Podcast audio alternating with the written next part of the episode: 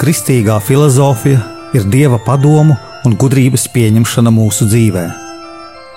Mīlēt gudrību nozīmē mīlēt dievu, jo no dieva nāk patiesā gudrība. Raidījums Kristīgā filozofija.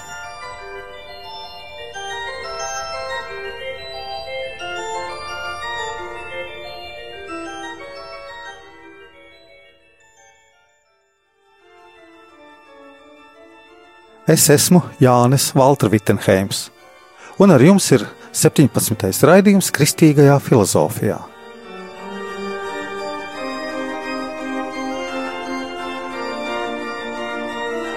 Ievadā noklausīsimies fragment no Jēzus tēva Staņislava Ladusāna par personīgo attīstīšanu, domājot. Bez šīm lekcijām nebūs satura par ko domāt, par ko prātot. Un e, šo lekciju uzdevums ir iztirzāt programmu tā, lai klausītājs, lai katrs no jums tiktu pamudināts e, domāt personīgi par uzstādītiem jautājumiem.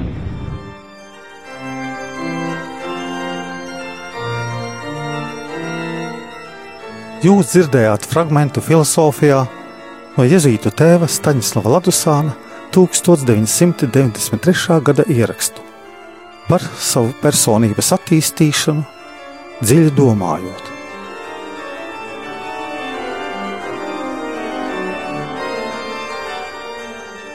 Es esmu maize nākusi no debesīm. Neviens nevar nākt pie manis, ja viņu neaicinās tēvs es viņu paņemšu pie sevis pastarā dienā. Mēs bieži cenšamies pārliecināt tuvākos, lai viņi nāktu uz baznīcu. Nevis pie Dieva, nevis pie Kristus, lai nāk uz baznīcu. Uzdāvinam kādu svētbildīti, dodam daudz padomus, kā uzvesties baznīcā. Mēs vēlamies šo cilvēku ar savām rūpēm iepazīstināt par to ceļu, kur mēs esam. Kad mēs paši atnācām, kas mūs aicināja, kas ieskatījās mūsu sirdī, vai tas nebija Dievs? Ir ļoti svarīgi ar savām rūpēm neaizēnot Dievu. Tikai Dievs zina, kā glābt visus un katru atsevišķi. Tikai Dievs zina, kā ienākt mūsu dvēselēs. Nu, kā piemēru minēsim, ka sieva saka savam vīram, aizej uz baznīcu, tur ļoti labs garīdznieks.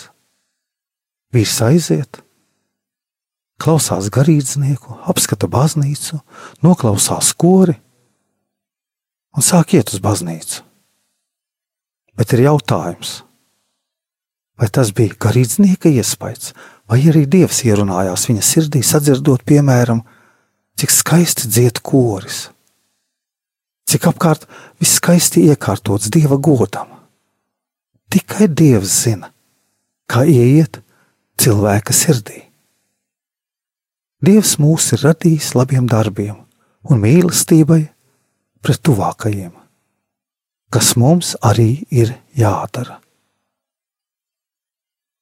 Ja mūsu dēls mācās, centīgi gatavojas olimpiādē, mēs viņu mīlam bet ja nemācās, vai tad mēs viņu nemīlam? Mēs laikam faktiski gribam lepoties. Dieva darbu piedāvāt paši sev. Mēs esam to izdarījuši. Dievs zina, kad un kur cilvēku glābt un kā. Mums tikai jādzīvo lai pēc mūsu mīlestības, paļaujoties uz Dievu, cilvēki mūsu saskatītu, ko Dievs dara caur mūsu sirdi un mūsu rokām. Mums ir daudz darbu, jāuztur ģimene, nu kaut vai jānoskatās laba filma. Ja kāds neskatās, mēs nevaram to uzspiest. Mums jāattīsta pašiem sevi garīgi. Mums jākalpo cilvēkiem, tāpēc mēs esam šajā pasaulē. Mūsu lepnums, nepaklausība, nemīlestība otru vien ar vien tālāk ved no baznīcas, no dieva. Mēs ar sevi bieži aizsadzam dievu. Ne jau mēs esam svēti, bet dievs ir svēts. Un mūsu tuvākajiem ir jāsaredz tas dieva svētums, kuru daļiņa iet caur mums pie viņiem. Mīliet savus tuvākos, kalpojiet viņiem, parādiet Kristus mīlestību viņiem, un viņi Kristu ieraudzīs, viņi viņu sajutīs.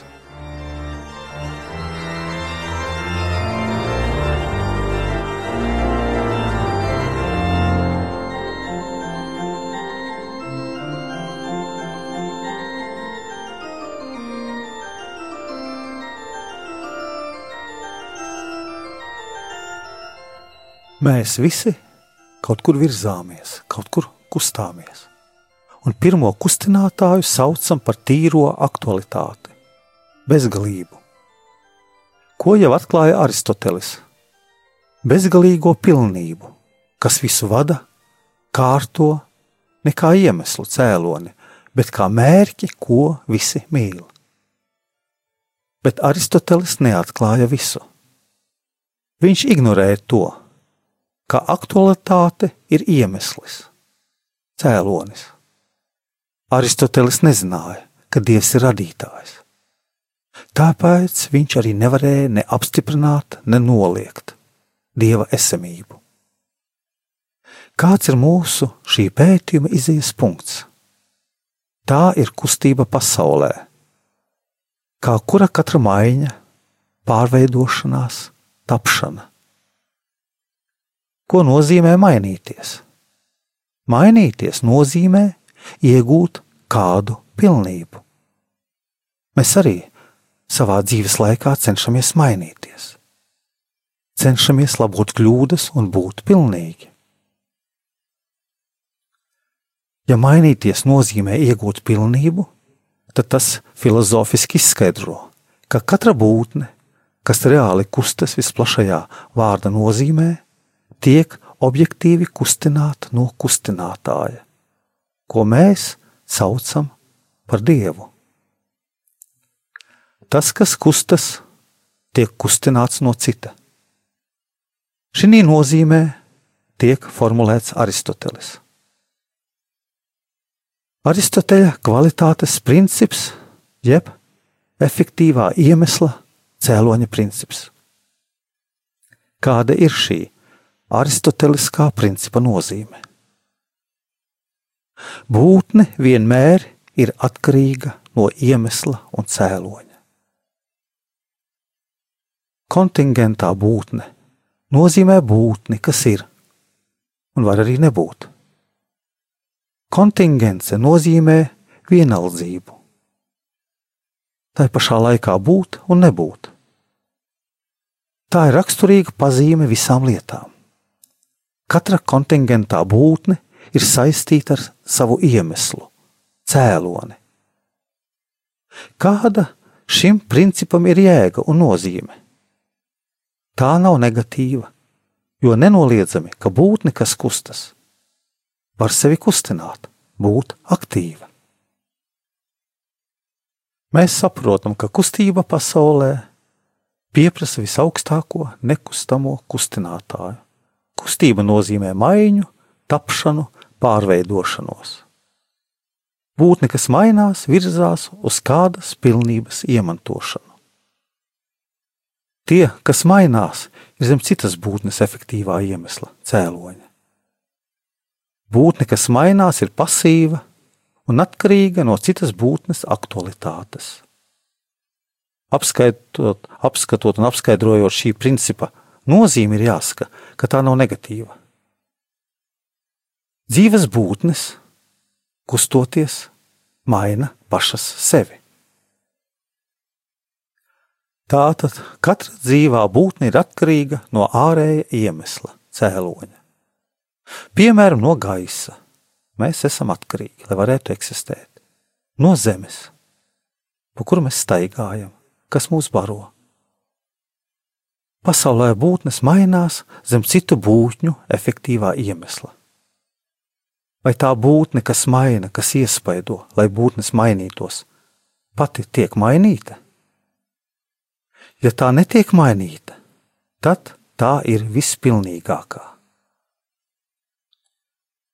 Ja tā tiek mainīta, tad tā ierindojas būtņu virknē, kas tiek mainītas. Bet tāda virkne nevar iet bezgalīgi, jo neatradīsies mainīšanās pirmavots. Marksisti domāja, ka elementi ir konfliktā un ka konflikts rada kustību. Nē, tur nav nekāda konflikta. Tur nav revolūcija bet tur ir evolūcija.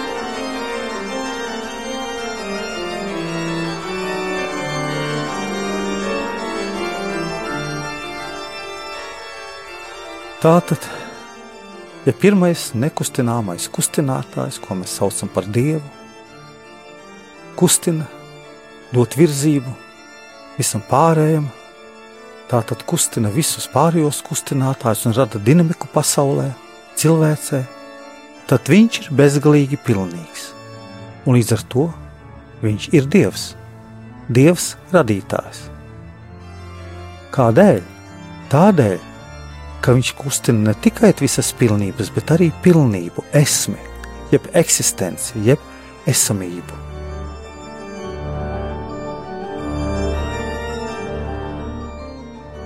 Pirmais nekustināmais kustinātājs radīja universu un universālu cilvēku. Viņš radīja, viņš bija aktīvs. Ja viņš darbojas, tad darbojas vadīts no kāda mērķa. Kāds dievam bija mērķis? Dieva mērķis bija cilvēks. Cilvēkam jāmīl sevi, savu tuvāko un dievu. Mīlēt nozīmē saņemt labumu. Mīlēt dievu nozīmē saņemt bezgalīgo labumu, un reizē patiesi mīlēt sevi, izprast sevi. Attiecībā uz citu cilvēku cilvēkam jābūt solidāram, jāmīl to kā līdzcilvēku kā tuvāko savu, kā mērķi, jo materiālās pasaules tuvākais mērķis ir cilvēks. Kas atraujas no dieva un iečaulojas pats savā darbībā, to mēs mēdzam saukt par egoistu. Attiecībā uz tuvāko tāds cilvēks mīlestības vietā liek pretējo. Pretējais ir naids. Dievs ir visvarens, gudrs, un viņam ir jādod gods. Viņu jāmīl. Lūk, tā ir reliģija. Patiesa cilvēka izpratne, patiesa cilvēka saikne ar Dievu, virzība uz Dievu un nemitīga kustība, augšana, pilnveidošanās. Viņu izprotot un darot, ko Viņš mums ir darījis par labu esam. Darot, pilnveidojot sevi mīlestībā pret apkārtējiem un pasauli.